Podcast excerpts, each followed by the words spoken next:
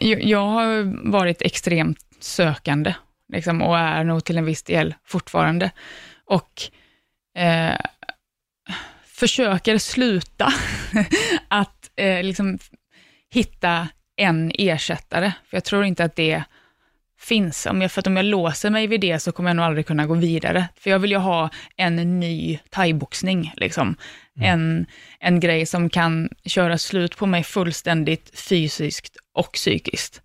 För att träna hårt gör jag ju hela tiden och det är ju skitskönt en, en stund, men det blir liksom inte tyst och lugnt på insidan på samma sätt som det blir av den mentala kampen som det är i att fightas. Liksom.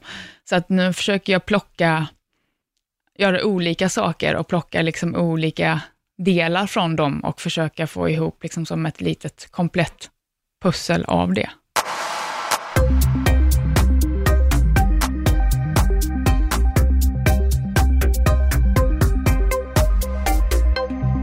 Madeleine Wallbeiner, välkommen till Öppet sinne. Tack.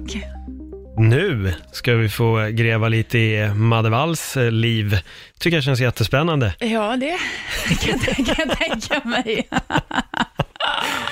alltså det är direkt oron komma där. Fan, vad är det vi ska gräva i nu? Nej, ja. men som sagt, det är, du är en spännande människa. Och um, du har en eh, spännande historia och haft en spännande karriär bakom dig. Och det händer hela tiden spännande saker runt dig. Vilket är väldigt roligt att se. Det var lite det vi pratade om på vägen upp här också. Du, du har ju fullt upp och vi var båda överens om att vi gör sånt som vi tycker om. Ja, det är sant. Mm. Men om vi börjar med liksom thaiboxning, för det är ändå därifrån som i alla fall jag lärde känna dig från början, så var det liksom Madevall thaiboxaren.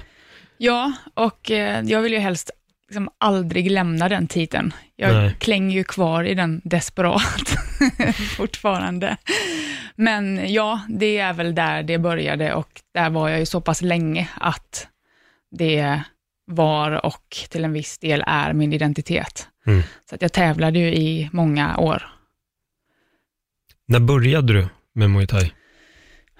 När jag var 19-20, vilket är typ 16 år sedan. Mm. Nyligen fyllda 35, grattis Woho! får vi säga också, några veckor sedan. Men du fick ett, eh, för, ett eh, surprise födelsedagsfirande här bara, var det igår, i förrgår? Ja, och det är ju festligt. Ja. Och det är ju, eh, det är ju svårt och att pull it off, kan man säga, en sån grej. Och speciellt med mitt liv. Och det, från början var det ju tänkt att festen skulle varit två veckor tidigare, men jag råkade ju boka mig på jobb på min egna 35-årsdag, så att liksom, de fick styra om det i sista stund. Men eh, jag visste ju inte om något, så att det blir ju lika bra för mm. mig ändå. Nej, bra jobbat. Bra jobbat av dem. Men eh, om vi hoppar tillbaka till, eh, till thaiboxningen. Mm. Vad var det som liksom lockade dig och fick dig att fastna för, för den sporten? Eh, från början så tror jag att det, jag har liksom det är förlösande att slå. Mm. Eh, det känns bra i själen. liksom, så att när jag testade eh, en gång så, så kändes det bra. Liksom. Sen hade jag, jag kom från, jag hade tävlat med hästar i många år och spelat fotboll parallellt, gjorde jag mina sista år som tonåring och har eh, temperament, vilket ledde till att jag gjorde saker på planen som man inte får. Och det var väl lite det också som så här, okej, okay, men jag kanske ska syssla med något där jag får göra det som jag inte får här. liksom. eh, sen hade jag ju ganska fel. Jag trodde ju att man eh, fick och att det var bra att vara mm, arg och liksom okontrollerad. Att det är så här, ja men fighters är, de är ju tokiga, liksom, där kan jag flippa ur. Eh, det fick jag ju lära mig att det kan jag inte alls göra, utan är det någonstans jag ska vara smart och samlad så är det ju i ringen. Liksom. Mm. Eh, men eh, det, ja, det fick jag ju lära mig och jobba på i många år och det var ju supertacksamt att jag hamnade på en plats där jag där det var värt för mig att göra det jobbet. För att jag skulle nog aldrig gjort det Eh, för att så här, ja, men vara en bättre och skönare människa. Jag, jag skämdes ju varje gång jag liksom hade gjort något dumt, men det var ju ändå inte så att jag, så här, oh, jag borde ju pyssla med mental träning för att det här är inte nice. Utan så här, ja, jag fattar att det inte var nice, men jag skulle ju aldrig lägga ner de timmarna bara för att. Men för att bli världens bästa fighter så var jag beredd att göra vad som helst. Och då ingick ju att kunna kontrollera sina känslor och då hoppade jag på arbetet. Hur lång tid tog det innan du kunde börja kontrollera känslorna? Alltså det är ju inte, det där arbetet är ju inte färdigt. Men eh, jag blev ju bättre och det, det tog ju flera år. Jag blev lite bättre hela tiden för att man måste ju liksom, det är ju samma sak som att träna på vad som helst. Så att ju mer man tränar, desto bättre blir man. Och även precis när man börjar träna, så blir man ju lite bättre än vad man var när man inte tränade. Så att jag blev ju bättre och bättre hela tiden. Sen utsattes jag ju också för svårare situationer, vilket ställde högre krav på mig. Så att, men det är ändå samma principer, så har man en gång eh, lärt sig eller har börjat träna på det, så kan man använda samma verktyg oavsett vilken situation man är i. För en känsla är ju densamma. Om jag är rädd för en björn, eller rädd för en fighter, eller rädd för liksom en spindel. Alltså, rädslan är ju rädslan och sättet att, att hantera den är ju densamma. Liksom. Så att det jag lärde mig för, för att bli en så vass fighter som möjligt är ju skill som jag har fortfarande och kan använda till annat. Liksom. Hur, på vilket sätt jobbar du med rädslan då? Jag tänkte om du kan ge något, något exempel bara. Eh, från allra första början så fick jag ju lära mig att min, eh, vad som var rädsla, för jag tyckte ju inte att jag var rädd för någonting. Jag var ju bara förbannad liksom. Men sen så trillade ju poletten ner att eh, ilskan var förklädd rädsla. Eh, och då kanske det inte var rädsla för att det skulle göra ont, men rädsla för att misslyckas eller inte räcka till eller sådär. Och då, i mitt fall så utgick ju alltid från matcher, liksom, och då tränade jag först på att eh, behålla eller att behålla lugnet är ju det jag vill göra oavsett situation. Och då stegvis började vi med att jag skulle först vara lugn i lugn. Det är liksom den lättaste nivån, att sitta och andas och mycket, mycket andning är det eh, i, ja, men i ett lugnt rum ensam, vilket är supersvårt om man är som mig. Så det, det, den lättaste nivån var nästan svårast för mig, men den viktigaste. Liksom. Men så vi började där och sen fick jag träna på att vara lugn i vardagen. Då hade jag andnings, andnings och fokusövningar i ja, men vardagsgrejer, liksom gå till bussen eller göra sit-ups. Alltså inte särskilt, eh, ingen, ingen särskild psykisk stress, liksom, men bara ett hack högre än att sitta still. Liksom. Och sen la vi in övningarna i sparring till exempel. Och då var det ju lite mer eh, stress. Och sen det sista vi gjorde var att vi iscensatte eh, en match, men där vi gjorde det mycket, mycket svårare för mig för att framkalla stress och liksom nästan att jag skulle tappa det. Och då kunde jag så här få stå i ringen och så hade jag liksom fyra killar som byttes om hela tiden, så de var fräscha och inte trötta, men jag fick aldrig vila. Samtidigt som vi hade så här publik då som skulle vara, vi låtsas att det var Ryssland, för Ryssland är alltid värst att möta på VM. liksom. Och där de då bara hejade på de andra och psykade mig. Så att jag var liksom helt slut fysiskt och psykiskt och så liksom yttre stress på det för att liksom bryta ner mig mer eller mindre och jag tappade ju det liksom många gånger. Men sen så lärde jag mig att vara samlad i det och sen till slut så lärde jag mig att leverera i det. Och då, när man har gjort det värre än vad det är i verkligheten, då är det ändå ganska skönt att gå in i liksom ett stort mästerskap och att så här, okej, okay, fast jag slåss bara mot en. Jag brukar slåss mot fyra, det här är lugnt. liksom. Så att, mm. Fan, det är en ganska mm, Jävlar vilken metod de gjorde för att öva det där. Alltså mm. det, jag har aldrig hört talas om klubbar som lägger upp det på det sättet, att nu bjuder vi in folk och så ska du fightas mot många, de kommer hata dig under tiden. ja. Alltså det är inte bara att bli bättre på fighting, utan det är, ja, där är en mental, mental, mental camp, får vi säga. Det är inte bara mental träning, det är ett brutalt mentalt camp. Ja, verkligen, och det var inte egentligen min klubb, klubben hakade på den sätten, det sättet att träna sedan, men det var jag som kontaktade liksom en mental tränare bara för mig. Liksom. Mm. Och sen så tog hela tävlingsgruppen efter det sen, men jag tror alla var inte riktigt, det var ganska länge sedan och mental träning var liksom inte så, det var inte så coolt, eller man visste, tänkte inte heller på hur stor del det faktiskt har. Så att jag tog ju tag i det först för att jag liksom inte skulle gå runt och vara vansinnig jämt, men mm. sen också för att jag fattade att på toppen så är alla är tekniska, alla är starka. Den sista biten som avgör är skallen. Liksom. Och ja, där vill jag vara bäst också. Mm. Och Det är någonting som jag tror att även än idag finns det mm. ganska många som missar den biten. Jag har pratat om det här i min podd flera, flera gånger, ja. just den mentala aspekten. Och jag tycker att du, du, du har helt rätt i det du säger, att mm. många gånger så missas det. Och jag får känslan av att ganska många klubbar missar just att det är fokus på fysik, kondition, mm. ja, styrka, teknik, men man glömmer hela den mentala aspekten. Och speciellt, som jag har sagt också, det är det här med att eh, det är inte alla som kan leverera när det väl är dags. Jag Nej. som kommer från en teaterbakgrund, scenskräck, det, var, det gick hand i hand med att kunna skådespela. Man pratar mm. om det lika mycket. Mm. Jag tror att det finns lika mycket scenskräck inom fighting eller vilken annan sport det än är. Mm, Men man pratar inte om Nej. det, utan det handlar bara om att du måste få en bättre jabb, eller en bättre ja. spark, eller ja. nedtagning och, och hit och dit. Så det, men vilket år var det som du, ungefär, hur länge sedan var det som du började med den här mentala grejen? För det känns ändå som du säger, ja. du gjorde det lite innan eh, de flesta hade börjat prata om mental träning. Alltså jag tror att det är tio år sedan nu. För att jag pratade med min mentala tränare igår på telefon eh, senast och då sa han så här, grattis, nu är, det, nu är du lika gammal som jag var när vi började jobba, liksom, och då var det tio år. Eh, och jag tror att så här, jag var lite, jag var nog liksom för långt före, så att folk var inte redo att ta i, alltså var inte mottagliga för den typen av träning. Några var det, och speciellt då de på min klubb som såg liksom skillnaden jag tror att det, många kanske behöver så här, vill veta, så här, okay, men vad gör det för mig? Innan de är beredda att liksom lägga ner jobbet. Och har man då sett någon, liksom, de såg ju min resa liksom, och blev väldigt nyfikna på övningarna. Det hade väl vem som helst blivit i och för sig med tanke på vad jag utsattes för.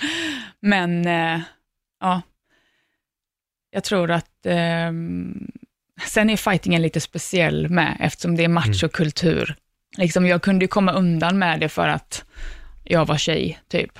Alltså jag tror att det är många killar som så här, det är inte, det är inte coolt, liksom. Och har de prestationsångest så erkänner man inte det för att säga, jag är inte nervös, jag ska in och liksom så.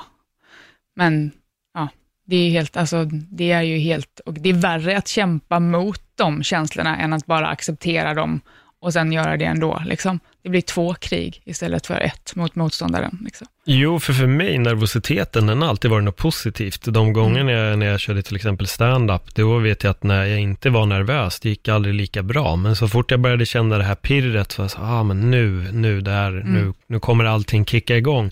Jag läste ganska nyligen en bok som heter The Rise of Superman, om att hoppa, kliva in ur flow. Mm.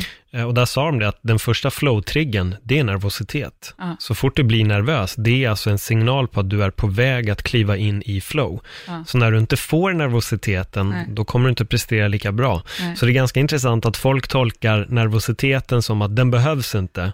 Nej. Men har du inte den så kommer du inte kliva in i flow, så det är en trigger. Mm. Då vet du, nu vet du att nu är du på väg in. Så mm. nervositeten är ju Synd att man ska sitta och förneka det som behövs, men det är okunskap. Ja, ja men också att man kan se det, att, alltså, att man försöker förneka den för att man är rädd för mm. den i sig, istället för att acceptera den och förstå att här, den faktiskt hjälper en och skärper den.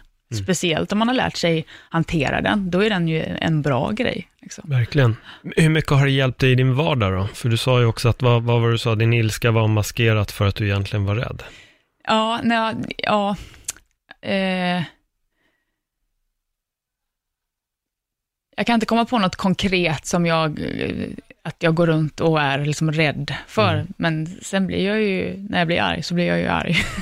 liksom.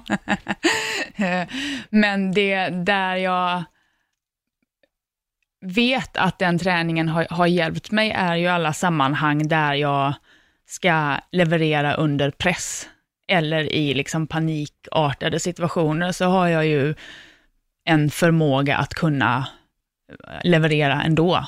Och det är supertryggt och att veta, alltså när man ska göra sånt som man eh, ja, egentligen liksom vill gå hem och suga på tummen istället. liksom. men, så här, men då är jag så här, men jag känner igen de här känslorna. Jag vet att det inte är någon fara och jag vet också att jag kommer kunna styra mig där och då och göra det som jag är där för att göra. Liksom. Mm. Um, och det är häftigt. Mm. Det är jag väldigt tacksam för, att jag liksom satt där och svor på golvet och räknade sekunder på utandning. Men vet du vad det beror på att du har gått runt med de här känslorna? Har du fått någon, alltså vissa går ibland och undersöker sig själva för att få så svar. Är det någonting som du har gjort eller har du bara jobbat med dem och nu kan kontrollera dem mer än vad du kanske kunde när du var yngre? Då? Eh, alltså jag tror inte att det så här, beror på något specifikt. Mm. Sen är jag ju, jag är ju en viss personlighetstyp Liksom, och det kan jag inte, vill jag inte heller försöka ta bort. Däremot kan jag ju liksom jobba på de sämre sidorna såklart. Eh, men ja, jag är ju eldröd liksom. så att det, ja, är det tävlingssammanhang, prestationssammanhang och sen är jag också, har jag, ja, gör liksom, var inte dum mot min kompis. Liksom. Mm. Typ rör, rör, inte min Nej. kompis. Nej, men eh, alltså, sen är det ju okej att bli arg. Det är inte så att man inte får ha några känslor. Liksom. Nej, det är väl bara att det ska vara eh, i proportion med mm. vad man gör och vad det är som händer. Men är det stor skillnad idag kontra för tio år sedan? Ja, men gud ja. Ja. Alltså, förut fick jag ju liksom skicka förlåt-sms varje vecka till folk som hade jag bett fara åt. Så. var på den nivån alltså. Men det är ofta har det ju, alltså de sammanhangen har ju varit i ja, men, träning, tävling, liksom. Mm. Och då, oftast så har jag också varit, alltså i, i tävlingssammanhang så är jag ju mer, då är jag arg på mig själv om jag inte vinner. Det är inte egentligen någon annan som jag är arg på. Det är bara att den råkar stå i vägen kanske. Men det är intressant att du säger det där, för det finns även de som istället är arga på allting runt omkring på grund av att de förlorade. Mm, det nej. finns vissa sådana som dyker ja. upp ibland också, som skickar alla fel åt alla andra håll. Det är egentligen det är alltid andra omständigheter. För mig, jag är ju UFC-präglad som fan. Ja. Men det finns ju väldigt många där inne som helt plötsligt börjar hitta andra ja. anledningar till varför de förlorar. Efter vad du menar. Nej, jag är alldeles för självkritisk för att mm. liksom ta på, alltså, ta på mig någon offerroll och skylla på andra. Jag vet liksom oftast vad det är jag har gjort och vad jag hade kunnat göra annorlunda. Sen kan jag ju liksom på vägen. Jag har ju vid, vid något tillfälle när jag förlorade en match sparkat på liksom alla stolar i publiken på vägen ut från arenan, sparkat ner papperskorgar, gått in i omklädningsrummet där mina klubbkamrater sitter liksom tyst och tittar ner i marken för de vet liksom vilket state jag är i. Gått in på toaletten på omklädningsrummet, drämt igen dörren och sen inte tyckt att den drämde tillräckligt. Öppnat, drämt igen den igen, öppnat och det liksom, tog aldrig slut, det räckte liksom inte.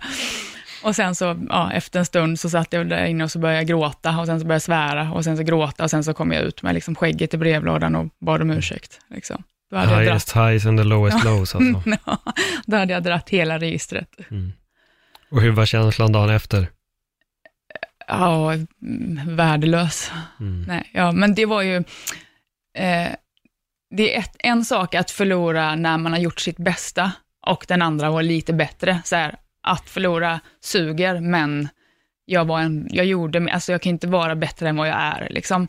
Men vid de tillfällena när man förlorar för att man inte har levererat det som man vet att man faktiskt kan, då, då är det riktigt dåligt. Mm. Och det förstår jag, det där är ju mm. två helt olika känslor att eh, kämpa mot. Mm. Men hur, länge, hur lång var din aktiva karriär?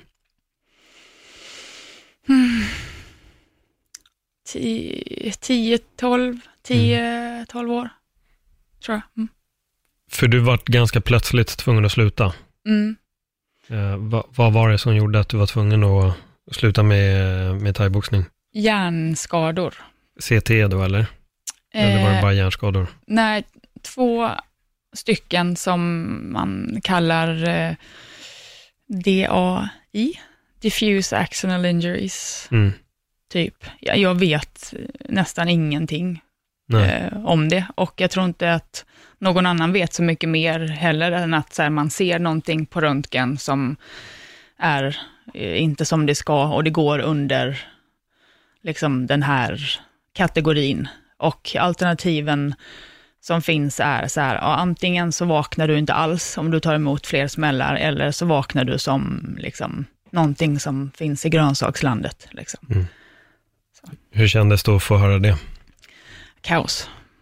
Eh, sen när jag, alltså den dagen jag fick det beskedet så var jag nog mer chock. Och sen hade jag jättemånga olika stadier, alltså en, en lång period av förnekelse och ilska och sorg och eh, jag trodde en period att så här, det var en eh, konspiration. Liksom. Det var ju läkaren tillsammans med typ min familj som inte tyckte att jag skulle vara boxare. Men typ sådär. Eh, och sen den sista fasen, eller näst sista, jag är nog i en fas nu också tror jag. Mm. Men den värsta var när jag var deprimerad och bara apatisk. Liksom, satt på golvet och självmordsvaggade och fick åka till läkaren varje vecka för att tumma på att jag inte skulle ta livet av mig. Liksom. Det, det var riktigt risigt. Och lite extra för att jag inte känner igen mig själv i det beteendet alls. Så jag har, alltså, ja, det är inte att jag inte har gått igenom saker tidigare och aldrig någonsin har jag liksom lagt mig platt och gett upp, utan så här, då har jag krigat tillbaka. Liksom. Men det, jag såg ingen anledning till att kriga, för att det enda jag ville göra var det enda jag inte fick göra. Liksom. Mm. Hur kom du ur den, den extrema känslan? Då trillade Hollywood ner från himlen. Jaha, det var i takt med det alltså? Ja. Okej. Okay. Så ja. det är ju tipset. Ja, Nej, men det, det är ju ett rätt bra tips. Ja. Men eh, ja, det var extremt lägligt. Ja. Och finns säkert eh, någon, ett, ett syfte eller en, en mening med det, tror jag. Mm. För hur länge hade du gått runt med de här känslorna? Två, tre månader kanske. Mm. För du är ju en som är väldigt öppen med väldigt mycket. Jag har läst mm. ganska mycket av det du har skrivit och du är ju väldigt ärlig med dina känslor, både när det är ja, men på gott och ont, alltså mm. när det känns bra eller när det känns liksom jävligt, jävligt dåligt. Mm. Um, jag vill bara innan vi glider in på Hollywood, för du, du sa det här innan med att du kämpar för att hålla dig fast vid uh, thaiboxaridentiteten. Mm. Var det det som fick dig så långt ner i den här negativa spiralen för att du kände att du också tappade din identitet? Alltså det är jättemånga som säger så hela mm. tiden. Eh, och det är en pytte, pytteliten del av det. Eh, det som var värst för mig när det blev på riktigt, att så här, jag kan inte göra det här mer, är, då förstod jag hur mycket, hur mycket mer fightingen var, än att så här, tävla och vara eh, liksom på, i tidningen. Utan det som det var för mig var att det var verktyg, liksom, att hantera livet och att hantera mig själv. Eh, och när de togs bort så visste jag liksom inte, ja men bara, jag visste inte vad jag skulle göra, men det kan man ju liksom fylla med andra sysslor. Men jag, det var ju så jag höll liksom styr på mig själv. Så att nu skulle jag göra någonting helt annat, men och helt utan verktyg kändes det som. Så här, vem, hur ska jag kunna tackla något när jag inte kan göra det ja, på det sättet jag har lärt mig. Liksom. Mm. Hur jobbar du med det idag då? Alltså, jag antar att du har hittat nya träningsformer och metoder för att kanske få utlopp för de här känslorna. Mm, jag har varit extremt sökande liksom, och är nog till en viss del fortfarande. Och eh, försöker sluta att eh, liksom, hitta en ersättare, för jag tror inte att det finns. Om jag, för att om jag låser mig vid det så kommer jag nog aldrig kunna gå vidare. För jag vill ju ha en ny thaiboxning, liksom. Mm. En, en grej som kan köra slut på mig fullständigt fysiskt och psykiskt. För att träna hårt gör jag ju hela tiden och det är ju skitskönt en, en stund, men det blir liksom inte tyst och lugnt på insidan på samma sätt som det blir av den mentala kampen som det är i att fightas. Liksom. Så att nu försöker jag plocka, göra olika saker och plocka liksom olika delar från dem och försöka få ihop liksom som ett litet komplett pussel av det. Mm. Jobbar du någonting med meditation? Jag tänkte när du ändå är inne på det mentala. Ja, jag har mediterat jättemycket. Nu råkade jag skaffa en hundvalp, så att det har jag ju kunnat glömma i mm. tre månader. Men det gjorde jag under hela min karriär och efteråt. Ibland kommer jag av mig i perioder, men då märker jag ju också att mm. jag blir liksom, jag har sämre livskvalitet. Inte liksom drastiskt, men jag fattar efter ett tag att så här, jaha, hur mår jag den här perioden kontra med när jag liksom startar dagen med att bara några minuter landa. Liksom. Mm. Vilka meditationsformer brukar du göra? Jag brukar behöva eh, hjälp, alltså att jag antingen räknar sekunder, att jag går liksom på, an, på andetaget, eller guidad på något sätt, för att jag är så spretig i mitt fokus. liksom. Mm. Eh, så att då, jag skrev en bok tillsammans med min mentala tränare, och till den som har, så har vi en app med liksom olika veckoscheman och då brukar jag liksom bara lyssna på de instruktionerna som jag får via appen. Men det, eh, kärnan är ju att andningen och plocka tillbaka fokus. Liksom. Och det är ju mm. det som jag aldrig kan träna för mycket på. Eller någon egentligen. Du har aldrig provat Wim Hof? Nej, jag har varit där och nosat och han har faktiskt introducerat det för mig, min mentala tränare också, mm. bara att jag inte...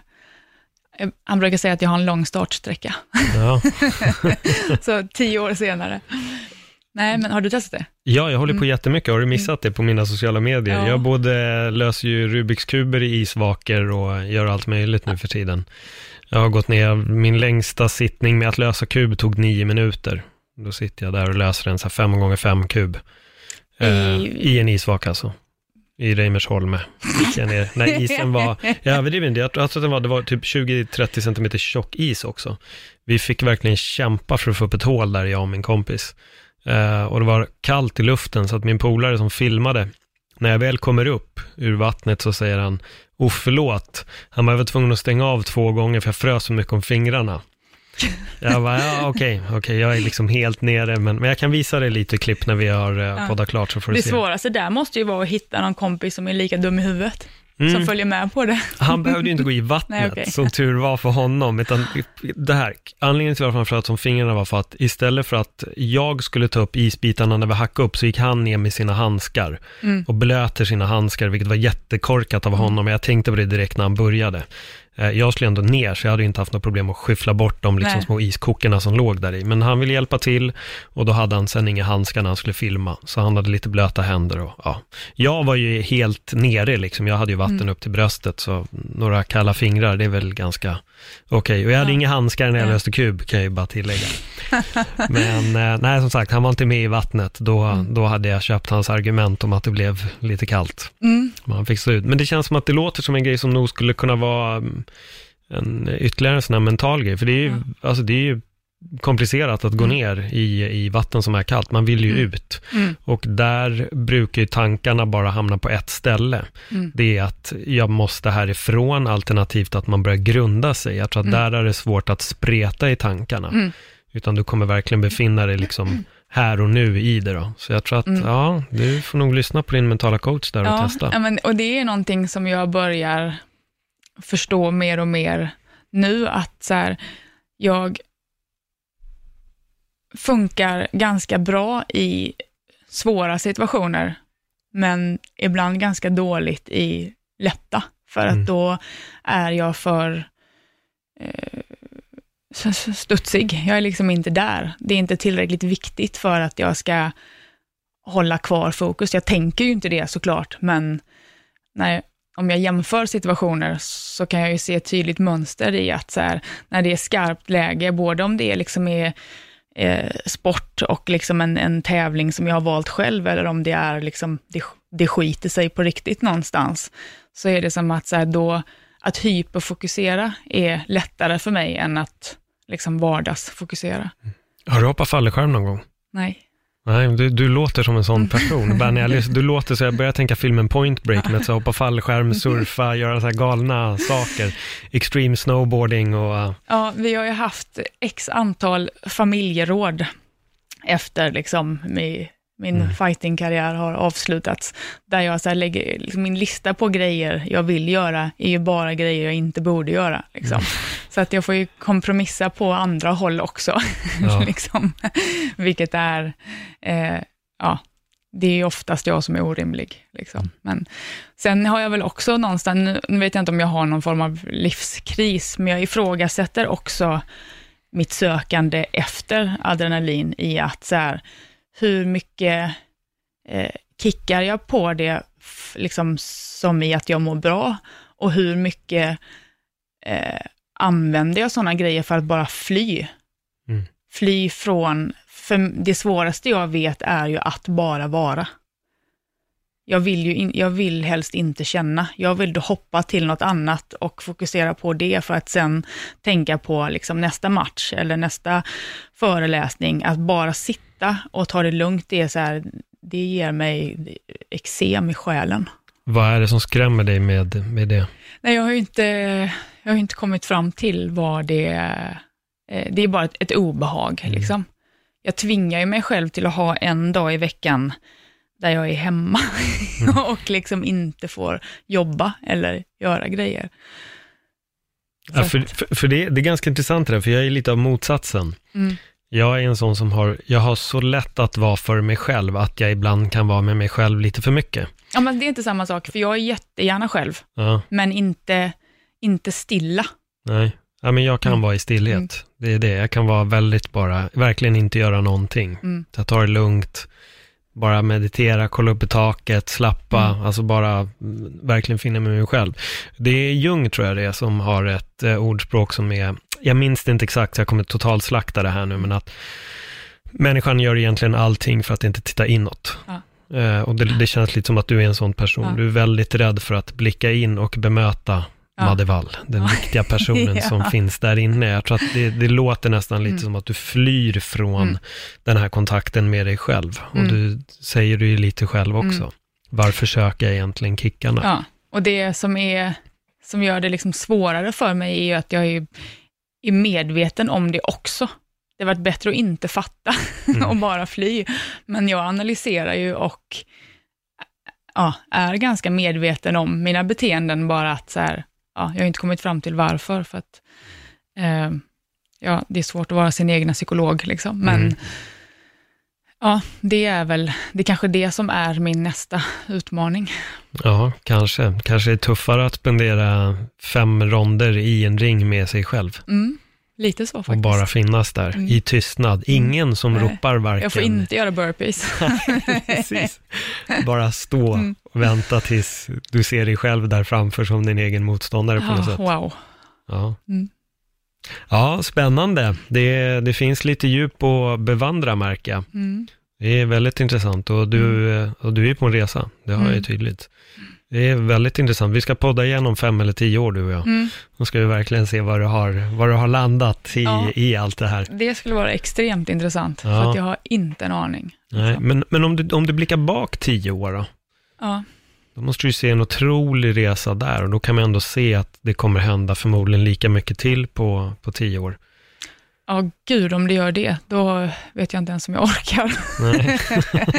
Nej, men det har ju hänt, eh, det har ju hänt bra saker, liksom. Mm. men, men mycket. Och verkligen, alltså från att eh, liksom ha hästar och jag ska bli veterinär, till eh, liksom fighting och den arenan, till film, till liksom landa i, ja, nu vet jag inte ens vad jag har landat i, men Mm. jag har varit på många olika plattformer. Ja, men det är bra. Det är Mm. bra att man kan beresa sig olika plattformar. Jag tycker, Mm. Med det tycker jag vi glider in nu på Hollywood. Ja. Liksom nu, det är Mm. Wonder Woman-grejen, du var väldigt hemlig med det. Man märkte att det är någonting som eh, Madde håller på med, jag vet inte vad. jag kan inte säga riktigt än. Nej. Och sen plötsligt eh, droppades bomben. Mm. Men hur, hur fick du det här? För, för eh, jag läste väl som, eh, det minnet jag har som enklast var väl att du spelade väl i princip bara in en, en castingvideo och skickade den. Ja, inte ens det faktiskt, utan jag blev ju kontaktad av dem för att de visste vem jag var som fighter, liksom, och såg någon form av karaktär i det. Eh, så att det var så här, de ville ju ha eh, en, en warrior till sin Amazon-stam, liksom svärd, häst, fighting, vapen, alltså sådär. Och då, det är nog, alltså mina skills som är då fighting och häst och nu också vapen och svärd är ju inte eh, supervanliga och inte heller kombinationen av det tillsammans samtidigt som att lära en skådis, alltså fighting och häst är om man inte kan det på riktigt, så tar det inte många sekunder innan det syns och då slaktar mm. det ju hela, alltså man vet ju själv om man kollar på en fightingfilm och någon ställer sig framför liksom säcken, jag ser när den lyfter garden, om den kan slåss eller inte. Liksom. Och är det då, ser jag att den inte kan det, då har ju hela filmen liksom, då är den körd för mig. Mm. Liksom. Så att där tror jag också att det, för dem, den typen av roll som jag hade, så var det lättare för dem att ta in icke-skådisar och göra dem till skådisar, men att man redan hade de skillsen, än, att det var, än vad det hade varit att liksom försöka få någon att ja, men, slåss som att den menar det, liksom, mm. eller rida, som också är, är, svårt om man ska göra, liksom, rida på riktigt och inte bara sitta på hästen. Liksom. Och hur var det när du fick bara samtalet att hej, vi, vi vill att du ska vara med? Jag trodde ju inte på det ens först. Jag trodde att det var så här, hej du har vunnit 600 miljoner, du ska bara liksom. Men jag kunde ändå inte släppa det, så att jag kollade med, eh, jag tror faktiskt det var Gago jag kollade med, för mm. han var typ den som jag kände som var i filmbranschen. Liksom. Eh, och då så här, nej men det är Warner Bros det är på riktigt. Liksom. Så då svar, för de skrev någonting i form av så här, hej, vi vet, eh, vi känner till dig som fighter och så här, kan du, eh, har du gjort film eller kan du skådespela? Typ så här. Då svarade jag så här, hej, hej, eh, nej, det kan jag inte, men jo, det kan jag ändå. Liksom. jag kommer, typ. Så att då fick jag en en scen ur Troja, tror jag, som jag skulle liksom filma och skicka in och sen komma till London och göra stundtest och läsa liksom den igen. Så. Mm. Och det var ju det absolut värsta jag någonsin har gjort. Alltså, hur jag kunde gå vidare liksom på, på det materialet som de fick där, det kan jag inte förstå. Men eh, något hade jag i alla fall som, mm. som gjorde att de ville ha med mig. Men eh, Sen var det ju baserat på mina liksom, fysiska skills. Men jag, egentligen, jag tror att jag var tänkt som bara stunt från början. Men sen fick jag en egen roll och gjorde mina egna stunt. Mm. Så att jag blev ju liksom Egeria, Captain of the Guard, direkt under Robin Wright. Mm. Mm. Roligt. Mm. Det är inte alla som, eh, som får det. Nej. Hur var det att vara med i en Hollywood-produktion? Um, vad har du att jämföra med? Det är nog egentligen den första frågan. Hur många filmproduktioner har du varit med i här i Sverige? Ja, eh, det är ju inte så många och det, i de sammanhangen jag har varit med så är det ju inte, det går inte ens att jämföra. Nej. Och det är lite taskigt då att liksom få börja med en Hollywoodproduktion för allt annat blir så här, ja, Mm. Men eh, vad är min betjänt? Ja. Nej, gud vad hemskt. Det, och det hade jag faktiskt jätte, jätte det tyckte jag var jättekonstigt, att någon skulle liksom bära mina väskor, så jag var såhär, nej men jag, alltså, jag är stark, jag kan bära dem själv. Men sen fattade jag att det, de hade ju pride i sitt yrke, liksom, mm. som att de skulle komma med mig och jag bär väskorna, så skulle det ju signalera att de inte gör sitt jobb. Liksom. Så att det fick jag ju, ja, bara lå, låta mig vara prinsessa. Ja, men såklart. Var, var filmade ni det här någonstans? Jag har sett filmen, det är, alltså, ni verkar ju vara i en fan riktig så här partysidyll. Ja, vi var i, filmade lite i England, i London och lite i Italien, eller mest i Italien, mm. på tre olika locations. Men det som är det paradisdelen var ju i Amalfikusten. Mm. Det var helt magiskt. Jag visste inte ens att det såg ut så i Europa. Liksom. Ja. Va, eh, hur länge var ni där? Eh, två, tre månader, tror jag. Och sen så hade vi ju två månader som vi bara liksom tränade heltid i London för att liksom bli eh, våra, våra liksom, tränare hade ju fått direktiv om att vi skulle bli the female version av 300. Liksom. Mm. Så. så att det var ju ja, gym två gånger om dagen och sen var det koreografier och stunt, svärd och sen var det stunts i häst. Så det var liksom fyra träningspass. Vilket var för mig helt underbart. För att det var ju som att jag gick, hoppade rakt in i ett landslagsläger. Typ så här, det här hotellet bor du på.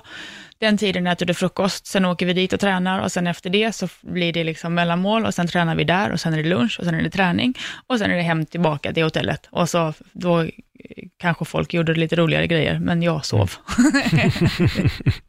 Plus att jag tyckte om att vara ensam också. Ja. Det tog extremt mycket energi att vara i ett helt eh, nytt sammanhang, med liksom, jag skulle lära mig så många nya saker, samtidigt som allting var på engelska. Och det tänker man så här, det är ju inga liksom, problem, engelska kan man ju, men att det är ändå liksom en översättningsprocess. Om man inte har bott utomlands och har liksom, tänker på engelska, så är det ändå en process varje gång. Och med liksom färska hjärnskador på det och hjärntrötthet, så var jag, jag var helt sänkt. Liksom, jag hade inte, jag, ibland säger jag så här, nu är jag tyst en stund och jag är inte sur, jag bara orkar inte prata liksom, typ. Och det var fine. Vad har ni för relation idag? För ni, ni verkar ändå bli, alltså när man är så tajt i grupp under Mm. liksom två månader, två, tre månader som ni Mm. var, så får man ju ändå ett speciellt band kan jag tänka mig. Mm, vi är jättenära vänner. Vi är fyra, Mm. fem stycken som bor, ja, vad har vi? Holland, två i England och en i USA, Mm. som är liksom som fortfarande pratar, alltså det är som att ingen, nu har vi inte setts på länge, liksom, men det är som att det inte är någon skillnad alls. Liksom. Och de var ju så här, ja, nu ska vi kanske ses i, i sommar, men ja, det är häftigt, för när man går igenom någonting som är Alltså, svårt kanske man inte köper med tanke på, jag precis berättade om min betjänt, men, men det var ju också tufft vissa, Ja. vissa gånger. Och det är som att när man spenderar så mycket tid tillsammans så, så blir man tight, liksom, för att man kan inte, inte visa vem man är. Vissa försökte ju liksom ganska många veckor in att spela, men det är liksom i slutet så hade ju alla liksom, då, då kommer ens rätta färger fram, på Mm. gott och ont. Liksom. Ja, men det kan jag tänka mig. Mm. Om, vad gäller lite, jag tänker lite så här Robin Wright och de här stora Hollywood-namnen, hur var det att eh, träffa dem och vad fick du för, för känsla? För det finns ju också ett fint uttryck som är att man ska nog egentligen aldrig träffa sina idoler, Mm. för att det kan också, ja, man kan Mm. förstöra bilden man har haft. Men vad var din känsla av att få träffa de här berömda stjärnorna, om man nu säger så? Eh, för det första så hade jag ganska dålig koll på liksom, filmbranschen överhuvudtaget. Så att så här, Robin Wright fick jag ju typ så här, vad, vad, vem, vad, vad är det nu hon har gjort? Liksom. Så, det är lite pinsamt, men så var det. Och likaså Gal Gadot som är Wonder Woman. Mm. Eh, så att jag hade inte så här, för mig var inte de idoler. Sen var jag ju liksom respekterade jag dem enormt för att de är väldigt bra på det de gör, men jag tänkte inte på att så här, jag blev inte annorlunda eller behandlade inte dem annorlunda. Och jag är också en sån som håller mig lite på min kant. Jag springer inte fram liksom för att de är de, om man säger. Och det tror jag att speciellt Robin Wright är väldigt, eh, eh, inte selektiv, men hon har ju varit i branschen länge och orkar ju inte när hon är ledig skriva autografer till sina liksom, kollegor, om man säger. Och där, därför backade jag och väntade på att hon, så här, om hon vill prata så, inte så här, då får hon komma till mig, men eh, lite så att det är så här, vi, vi kommer liksom stöta ihop och prata om det, om det kommer tillfälle liksom. Och det gjorde det och då var det ju helt genuint liksom. Och jag tycker hon är skithäftig. Alltså hon är, eh, har du sett House of Cards? Mm, ja, inte sista två säsongerna, Nej, men hon är, men ja. Alltså hon Mm. är lite så, in, fast in, inte liksom de dåliga sidorna som man ser, men hon är liksom kylig, extremt smart, men ja, inte, inte divig på något Mm. sätt. Men jag tycker hon är, är skithäftig. Jag tror också att det kan bli lite tufft ibland att vara i den, i den världen som hon är och vara den hon är. Det är det att Mm. du lär alltid känna nya människor under Mm. oerhört kort tid och alla ser oftast upp till he- henne då på ett sätt att hon är men, ja, en, en, en idol. Mm. Ja. Och jag, jag, jag förstår precis vad du menar, att du, du ger henne hennes space, Ja. kort och gott liksom. Och det är rätt, jag Ja. tror att det är rätt, för jag tror att de andra, många kan nog vara tvärtom, att man vill fram och man vill fråga och så ska man på något sätt bli bli vän Ja. eller någonting, men det händer liksom inte och jag tror nog att man, ger man rätt space så, ja, till slut ja, så för kommer sen man var att det ju träffa hon som varandra. så här, hej Maddie, så här, får jag ta ett eh, foto med dig? så jag bara, eh, ja okej då. Nej. Hon bara, jag tänker att jag sitter i ditt knä och suger på tummen. Jag bara, alltså du får göra precis vad du vill faktiskt. Nej, men så att, och det, det var det jag menade med att så här, det, när man jobbar ihop i flera månader så, så visar det sig liksom. Och till slut så förstår man vilka man gillar och vilka man inte gillar och då baserat på vilka de är på riktigt. Liksom. Mm. Så att, eh, mm. Känslan när du sen är på premiären, sitter i en, för ni, du och Danne drog Mm. till, till Hollywood Mm. eh, och var på premiären. Ja. Hur, hur var det när det väl drog igång och du ser alla, alltid 40 000 produktionsbolag som har varit med och stöttat den här filmen till att börja med, men sen Ja. när det väl börjar och så här, men fan, där är ju jag. Mm. Ja, det var, jag får faktiskt gåshud när du pratar om det, men det, då, det var ju nästan först då som jag fattade vilken stor grej det, det var. Mm. För att fram tills dess hade jag ju liksom ryckts upp ur min grå lilla sörja på liksom golvet i Högdalen, liksom flygits till London, kastats in i ett training camp där jag liksom ja, det var ingen glamour, vi tränade ju bara liksom. Och sen så filmade vi och sen så helt plötsligt så var det liksom Hollywood. Mm. Ehm, och då var det ju, när vi kom till premiären, det var ju liksom flera våningar med blixtrar och i 360 grader liksom. Jag kom ur, vi åkte liksom limo dit och av någon anledning så tittade jag liksom inte ut ur bilen. Jag höll väl på med typ telefonen eller typ toalettstift eller något, för att när dörren öppnades och det liksom bara smattrade och så här, Madeline, left, right, Madeline, Madeline, och så jag bara, wow, jag kunde liksom inte backa, jag kunde inte, kunde inte samla mig för att jag bara liksom klev rakt ut i cirkus liksom. Men det var, det var skithäftigt. Mm.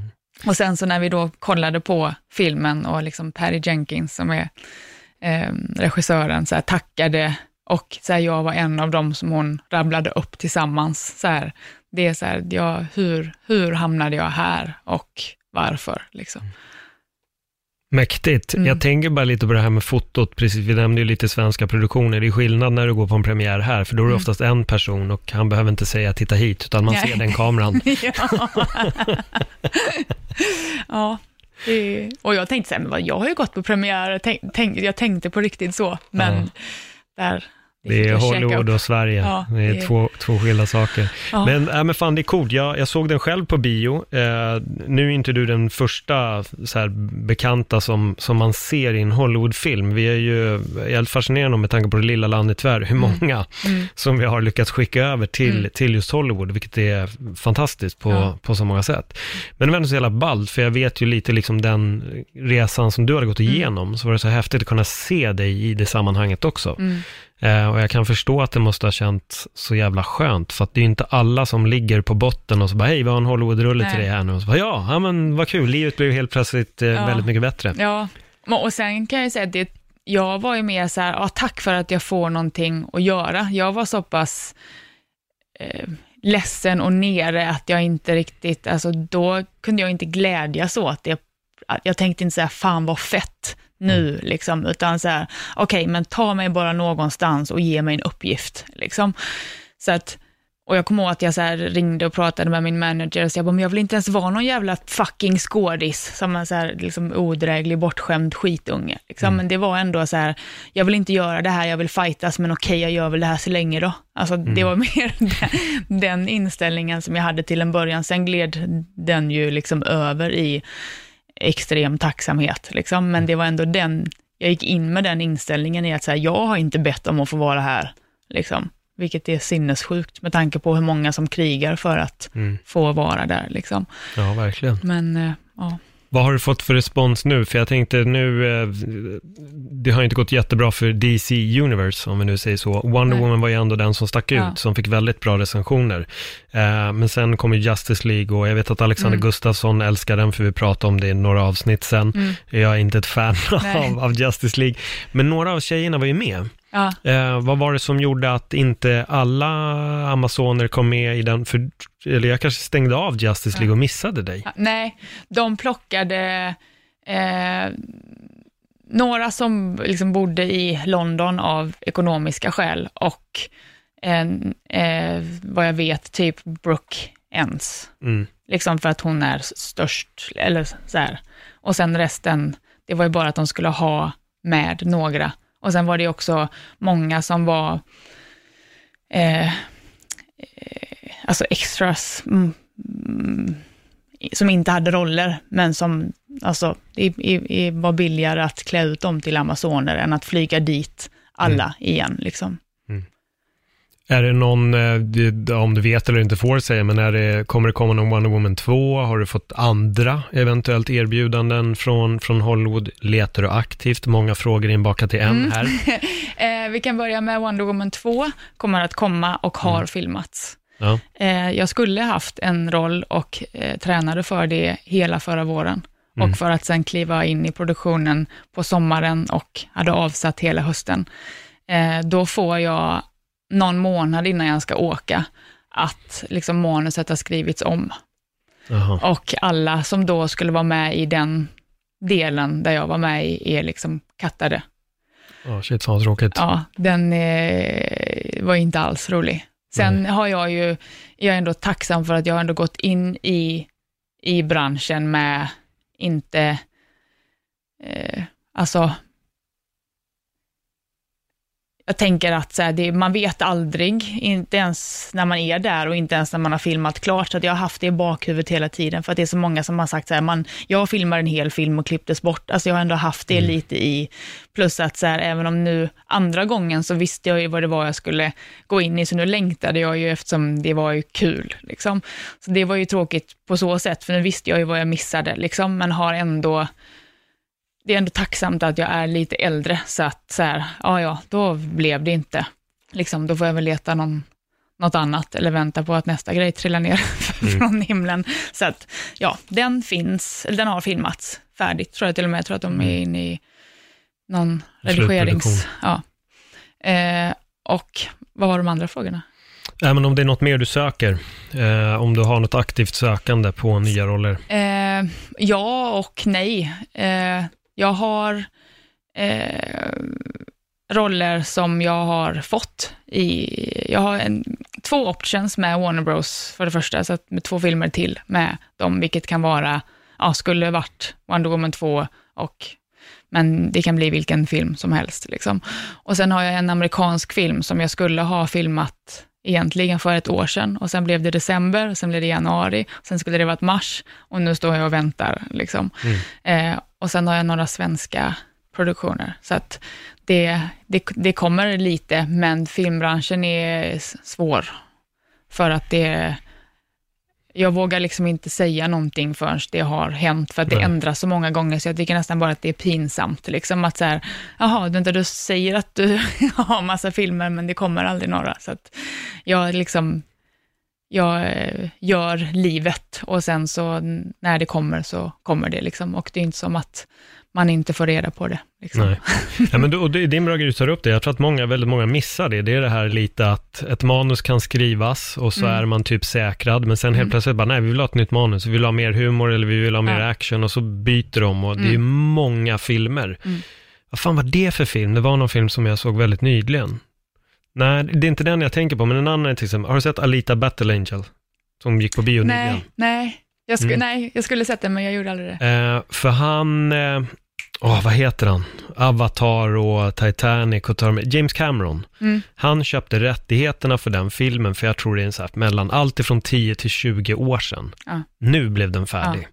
Och det är liksom, alltså då kan, man, kan det ju vara att, ja men du, vi vill ha dig i den här rollen, men Ja. sen har du hunnit fylla 40 bast innan den Ja. filmen kommer ut och då blev du erbjuden när du var 20. Så Hollywood är lurigt. Ja. Jag förstår verkligen din grej och jag vet att det är många filmer där kända skådespelare även har varit med i roller som har blivit bortklippta, Mm. så de har inte varit med sen. Mm. Eh, här i Sverige är det nog med att vi har en film, ja men Ja. grymt, och då blir den gjord. Ja, Eh, Sen är det inte värsta produktionen med betjänt, Nej. men eh, det blir det i alla fast jag fall. har faktiskt även en här som där allting var klart, men där en investerare i sista sekund. Åh, liksom. Så att då står man där med hela teamet, men så här, vem ska betala för kalaset? Ja, nej, då är det ju rätt, Ja. rätt så kört. Men vad lägger du krutet på nu? För du har ju precis varit, som du sa, du eh, fyllde år och då bokade du upp en arbetsresa. Vad, vad är det för någonting? Nej, just eh, den helgen då eh, var jag på ett stort träningsevent event och höll fightingpass. Liksom. Det, eh, jag har väl tre, tre ben som jag står på, eller så här, det är ju fighting i, i form av att jag instruerar, liksom. och sen har jag föreläsningar, film om det, eh, om när det dyker upp, eh, och sen har jag en, ett, ett nytt spår som jag eh, har precis snöat in på och det är liksom säkerhetsbranschen kan man säga. Mm. Ehm, Spännande. Det, är, det finns lite grejer där i alla fall. ja, där, där finns ju, eh, jag hoppas på att jag ska kunna liksom mätta både spänningssuget, eh, men Mm. också att göra någonting meningsfullt för, så här, ja men det för någon annan, där att det har en, liksom en större betydelse än mitt ego. För, vad är det du föreläser om? Jag har tre föreläsningar, en om kost mer, sen en om mental träning tillsammans med eh, Igor Adori som jag skrev boken Mm. med. Eh, och sen har jag liksom min livsresa, vilket är den som jag oftast gör, för att det, det är den som folk är mest nyfikna på. Och då är det ju allt från ja, men, eh, fighting och vad det är, eh, mycket baksidan, vilket kanske kan låta lite mörkt, men jag tycker att det är viktigt att belysa det som eh, man kanske inte vet och som jag tycker att man borde veta för att se hela bilden, men också för att det är där jag kan göra nytta. Om liksom, mina misstag, om jag pratar om dem och det förhindrar att andra gör det, då, då har jag gjort nytta. Liksom. Mm. Mm. Man får helt enkelt lyssna på föreläsningen, Mm. för jag kommer inte gräva i den. nämligen. Utan jag lämnar det till de där ute som vill veta. Mm. Får ni boka in Madde Wall på föreläsning. Och för att avrunda då, hur hittar man dig ifall man då skulle vilja boka dig på en föreläsning? Finns det någon hemsida eller eh, hur, hur går man Ja, tillväga? eh, enklast tror jag är Instagram, för där finns Mm. ju mail och hemsidaadress och då är det Madeleine Wall Beiner. Mm. Rätt Ja. och slätt. Snyggt, Mm. folk får söka upp dig där. Japp. Madde, tack för ett eh, intressant samtal. Tack för att jag fick komma. Ja, men supertack. Och om tio år, för det här är en, en, en, en spännande resa som jag Mm. märker att du är på. Jag tror att om tio år, då finns det mycket mer. Då finns det även saker utanför ringen där du kommer hjälpa folk också på det mentala planet. Det är jag helt Mm. övertygad om. Så håller vi tummarna för att de gör en eh, alla Amazon-tjejerna ifrån Wonder Woman-filmen också, så ni får spendera lång det tid. gör vi. Ja, en ruggig spin-off. Mm. Ja, Mm. supertack än en gång. Tack. Och eh, kära vänner, ha en fantastisk vecka. Hej då!